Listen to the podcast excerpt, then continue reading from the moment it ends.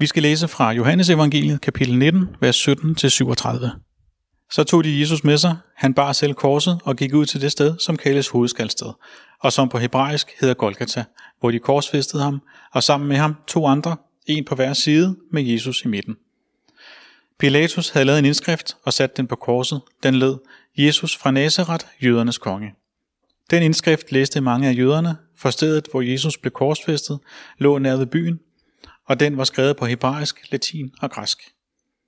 Jødernes ypperste præster sagde nu til Pilatus, skriv ikke jødernes konge, men han sagde, jeg er jødernes konge. Pilatus svarede, hvad jeg skrev, det skrev jeg.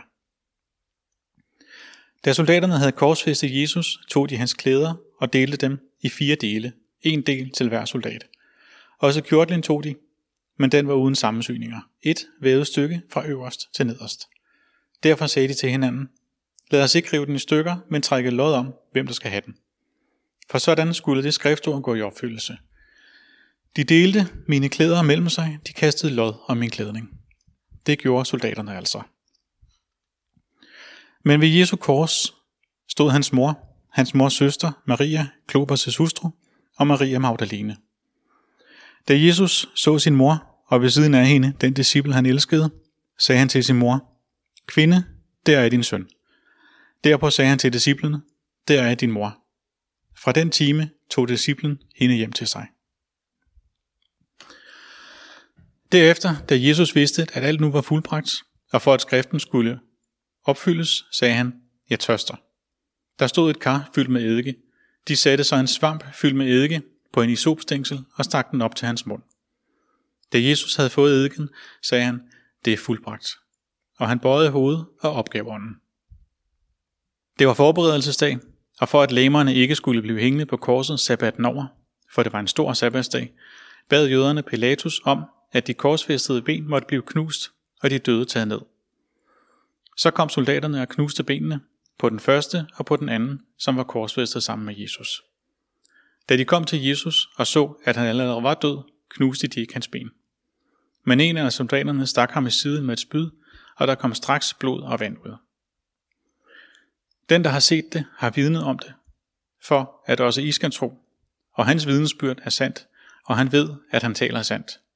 Dette skete, for at det skriftord skulle gå i opfyldelse. Ingen af hans knogler må blive knust, og er der et andet skriftord siger, de skal se hen til ham, de har gennemboret. I vores kultur er der tilfælde, hvor det ikke er helt tydeligt, hvem der skal betale regningen. Hvis vi går på restaurant, er det almindeligt, at alle betaler for, hvad de har spist og drukket. Men hvad gælder egentlig for eksempel, når man er på date? Hvem betaler? Det råder der meget forskellige meninger om. Hvilket også leder til sårede følelser.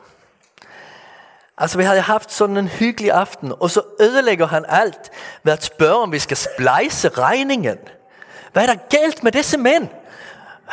Hvorfor kan det bare ikke bare bide til og vise, at det vil noget? Baggrunden til langfredag er en regning, en skyld, som vi mennesker står med. Vi formår ikke at betale den, og det vil ikke hjælpe, hvis der var en, der tilbød at splejse den. Evangeliet om korset ifølge Johannes handler om kongen, der offrer sig og betaler det hele. Hvordan ser vi egentlig, at Jesus er konge? På den ene side bliver det forkyndt med den største ironi. Pilatus er meget utilfreds med at være blevet presset af de jødiske ledere til at henrette en uskyldig. Nu hævnes han på dem ved at hænge Jesus på en konges plads i midten. Og over ham lader der stå Jesus fra Nazareth, jødernes konge. Alle kan se, hvor tåbelige de jødiske ledere er, som lægger sin tid og energi på at jagte denne slags tabere.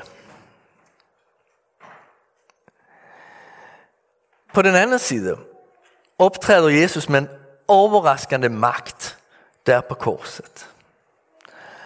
Han berøves tøjet, bevægeligheden og til sidst livet.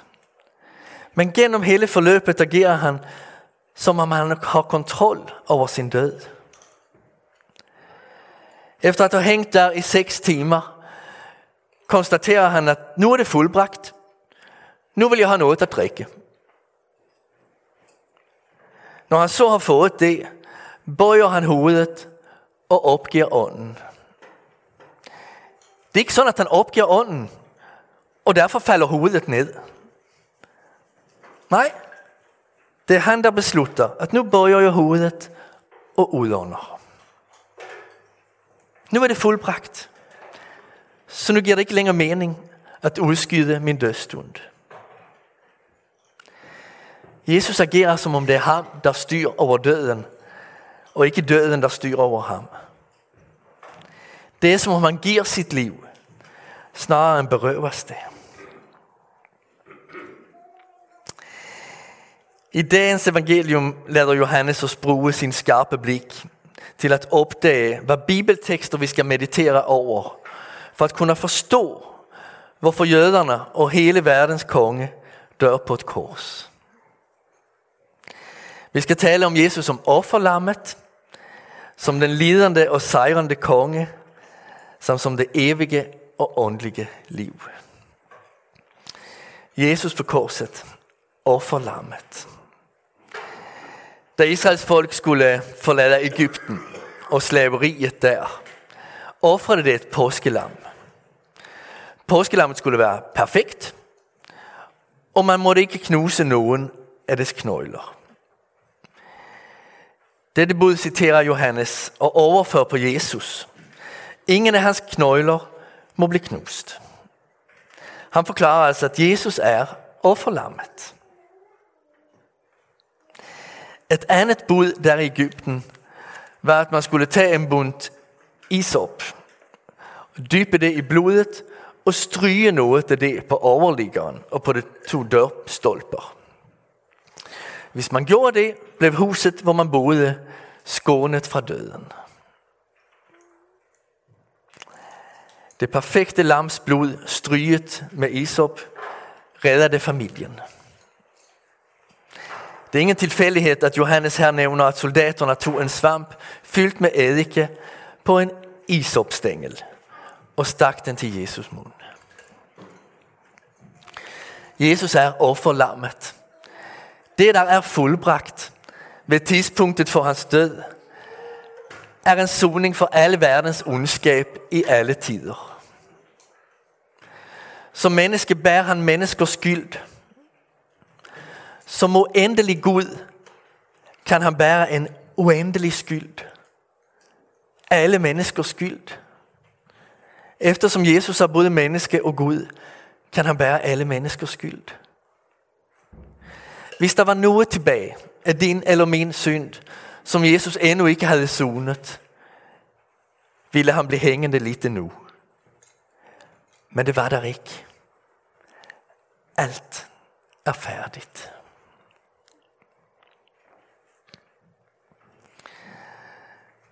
Reformatoren Martin Luther kæmpede med at forstå dette. For Luther var synd ikke en lille ting. Det var at hvile det onde.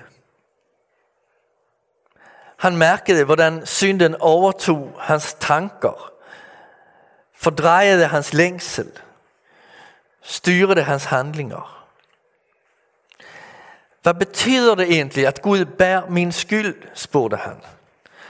Kristus kan vel ikke bare overtage skylden for mine onde tanker, mine anfægtelser, mine perversioner, mit lunefulde humør, mit svigt og mine forsømmelser, mit højmod. Alt det, der gør, at jeg tror, at Gud har forladt mig for altid. Min synd er vel mere end bare en regning, der skal betales. Men så forstod han, at Jesus ikke kun overtager skylden, han tager den også selve synden, selve ondskaben ind over sig selv. Han plages af lige den slags onde tanker, som anfægtede Luther og alle os andre. Bare så meget værre og mere koncentreret.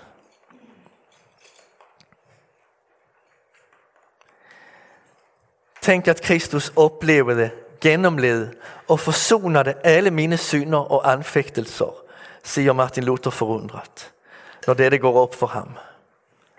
Och så gør han det han så ofta gør, när han har begrundat något i, i Guds ord. Han vender sig og taler till Kristus direkt. Jesus, du är min bror. Du ved, hvordan det føles, da helvedets alle anfægtelser drukner sjælen i Guds overgivelse og kaos. Herre, du forstår. Du har oplevet det hele.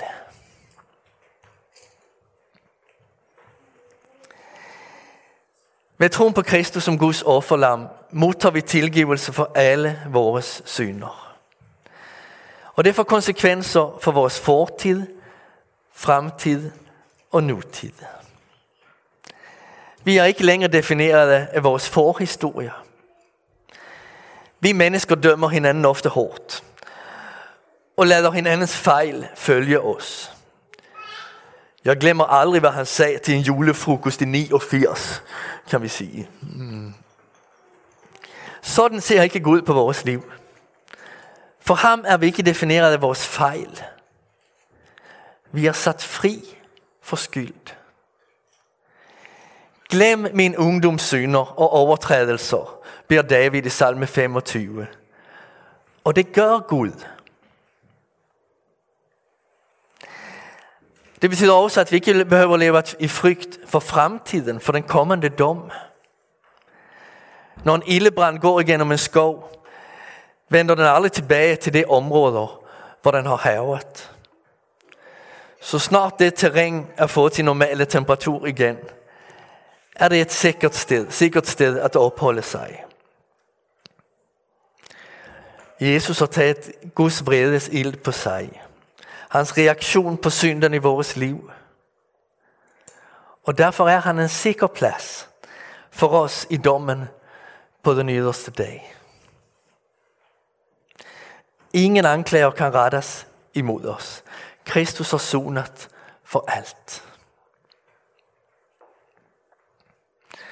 Hvad så med nutiden? Hvad betyder dette for os i det liv, vi lever nu? Ved offerlammet og Guds magt befriades Israel fra undertrykkelse og fra at behøve at leve i en kultur, hvor man dyrkede afguder. Men hvad befriades det egentlig til? For os, der er opdraget i liberale samfund, handler frihed om at få lov at være uafhængig og gå sin egen vej i livet. Og derfor bliver vi næsten provokerede, når vi læser, at det Israel befries til efter at have stået under faraos herredømme, det er til at stå under en anden herre og en anden lov. Ved bjerget Sinai holder det gudstjeneste, for Gud er deres befrier. Det er blevet sat fri til at dyrke ham. Og ved bjerget Sinai modtager det Guds bud, fordi det er kaldet til at høre sammen med Herren og hinanden. Sådan er også den frihed, som offerlammet i den nye pagt, Kristus, leder os ud i. Paulus formulerer det sådan her i 1. Korintherbrev 26. I tilhører ikke jer selv, for I blev købt dyrt. I tilhører ikke jer selv. Lige som Israel ikke bliver sat fri til egoisme og uafhængighed, men til at tilhøre Herren og følge kærlighedens bud, så bliver vi også det.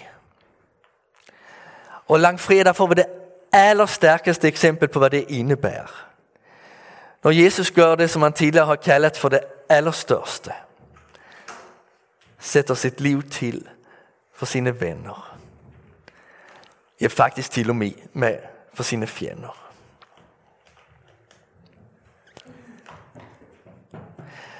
For I blev købt dyrt. Ligesom Israel ikke havde magt at befri sig selv, så har vi det heller ikke. Vi behøvede købes fri. Og det blev dyrt for Jesus. Men han gjorde det, fordi han elskede os. Korset er det store bevis på at Gud virkelig elsker os. En fortælling, jeg husker fra den gang jeg var barn, handler om en dreng, der bygger en modelbåd i træ. Han ligger rigtig mange timer af sin sommerferie og al sin kraft og koncentration i arbejdet. Og til sidst står han der og kan stolt viser resultatet frem. Men der skal prøve båden i åen, kommer der en bølge og driver den væk fra ham. Det lykkes han ikke at fange båden, og han kan heller ikke finde den længere ned längs åen. Så under det efterfølgende uger så tænker han fortvivlet på båden. Til han en dag får se den i et butiksvindue inde i byen. Han er helt sikker på, at det er den båd, han selv har lavet, og går ind og forklarer ekspedienten omstændighederne. Men butiksejeren forklarer, at han har betalt for at købe båden til butikken af en kunde, og drengen bliver nødt til at betale fuld pris, hvis han skal have den. Det gør drengen så. Og på vej hjem siger han til båden, at nu er du altså endnu mere dyrbar for mig, end hvad du tidligere var. For nu har jeg både lavet dig og købt dig.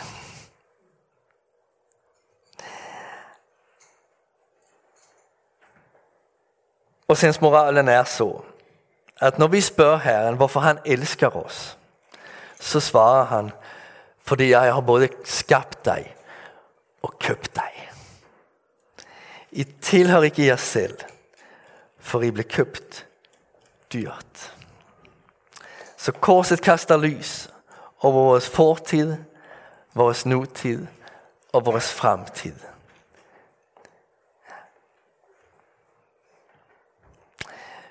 Jesus på korset, den lidende og sejrende konge. Da Jesus hænger på korset, citerer han fra den 22. salme. Min Gud, min Gud, hvorfor har du forladt mig? Det læser vi i det andre evangelier. Men det virker til, at Johannes begynder at tænke på den salme allerede når soldaterne kaster lud om Jesu klædning. Her i sit evangelium citerer han vers 19. Det deler mine klæder mellem sig. Det kaster lud om min klædning. Johannes noterer også, at Jesus som det aller sidste før han dør, ber om noget at drikke. Og så går tankerne igen til salme 22. Min gane er tør som et potteskår. Min tunge klæber til gummerne. Du lægger mig i dødens støv. Altså i endnu højere grad end kong David, som skrev denne salme, før kong Jesus en ensom kamp mod alle verdens fjender, og han oplever sig forladt af Gud. Men salme 22 ender ikke i Guds forladelse. Gud griber ind i den 22. vers, i det 22. vers. Og David udråber, du har svaret mig. Gevinsten for hans ensomme kamp er et folk, et fællesskab, som han nu leder i gudstjeneste og lovprisning. Jeg vil forkynde dit navn for mine brødre. I forsamlingens midte vil jeg lovprise dig. Så der har det vendt for David. Nu står han sammen med menigheden i lovprisning til Gud. Hvad med Jesus på korset? Lidelsens timer er ikke rigtig tiden for gudstjeneste og lovprisning. Men hvad er det egentlig Jesus gør, når han vender sig til sin mor Maria og siger, kvinde, der er din søn. Og til sin disciple Johannes og siger, der er din mor. Han gør to ting. Det første er at henvise til det første løfte om en redningsmand efter syndefaldet. Det som Andreas henviste, henviste til her med, med æblet. Som handler om kvinden, hvis afkom skal knuse slangens, djævelens hoved. Normalt kaldte Jesus ikke sin mor for kvinde. Altså det, det gør man jo ikke normalt. Men her kalder han henne for, for kvinde, for det han ville have sagt, det er, at nu er jeg i gang med at knuse djævelens magt, slangens hoved. Jeg er kvindens afkom. Det andet han gør, er at initiere et nyt fællesskab. Maria er stadigvæk Jesu mor. Men nu peger han også på kirken som et åndeligt fællesskab. I øjeblikket er Jesus søskende ikke rigtig med ham. Det forstår ham ikke. Så nu behøver Maria få lov til at bo hos Johannes, der stadig tror på Jesus. Og Johannes har alt at dømme en bolig i Jerusalem. Det Jesus dybest set tørstede efter på korset, når hans lidelse var ved at nå sin ende, var mennesker, der modtog ham i tro. Der modtog hans gerning i tro. Mennesker, der lovpriste Herren og anerkendte ham som konge. Han tørstede efter os, efter dig og mig, efter sin kirke, efter troens folk. Efter sin opstandelse samler han det til folk. På et tidspunkt er 500 personer samlet samtidig. Og hvem ved, måske oplever han det overret i forhold til sine biologiske brødre, som David oplevede. Jeg vil forkynde dit navn for mine brødre. I forsamlingens midte vil jeg lovprise dig. Jesus på korset er den lidende og sejrende konge. Han vinder et folk, en kirke.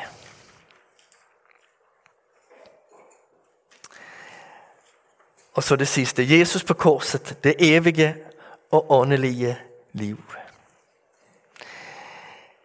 Efter at have hængt seks timer på korset dør Jesus. Johannes fortæller om rutinerne for at sikkerstille det. Hvis man var i tvivl, knuste man gerningsmændenes ben. Så kunne det ikke trække vejret mere. Så kunne det ikke trække sig op og ånde. Hvis man var helt usikker, stak man hul, hvis man var helt sikker, stak man hul i siden.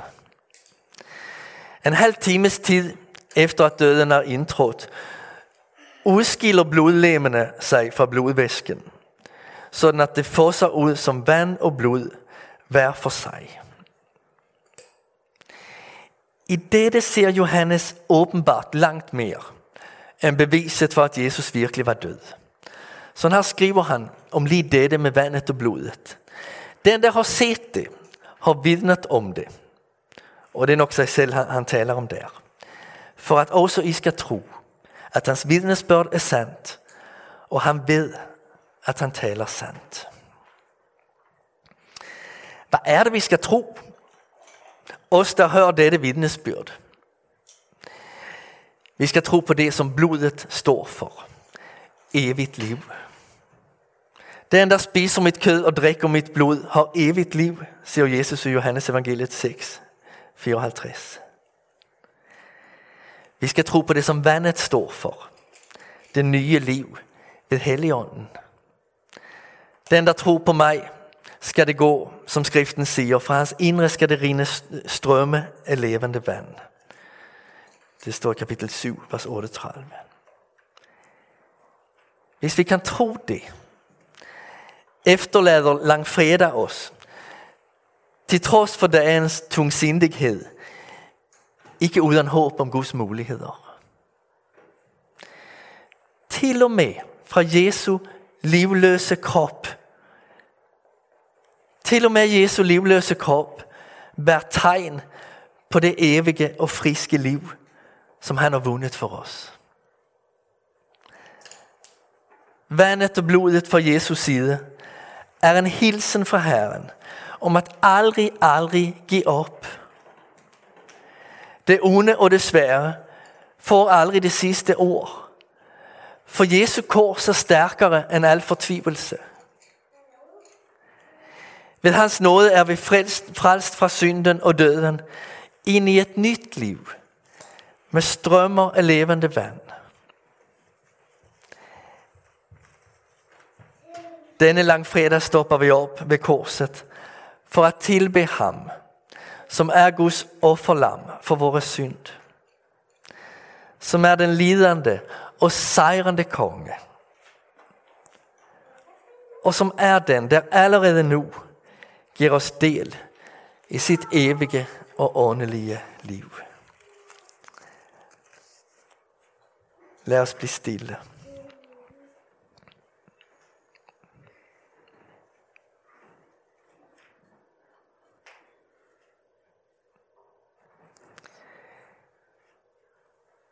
Jesus for verden hengav sit liv. Oplagte øjne, Herre mig giv. Det var min synd, der lades på dig, da du på korset døde for mig. O, hvor du elskede. Aldrig jeg tror nogen har elsket sådan på jord. Hjælp dig af noget, Herre du mig, til kun at leve for dig. Amen.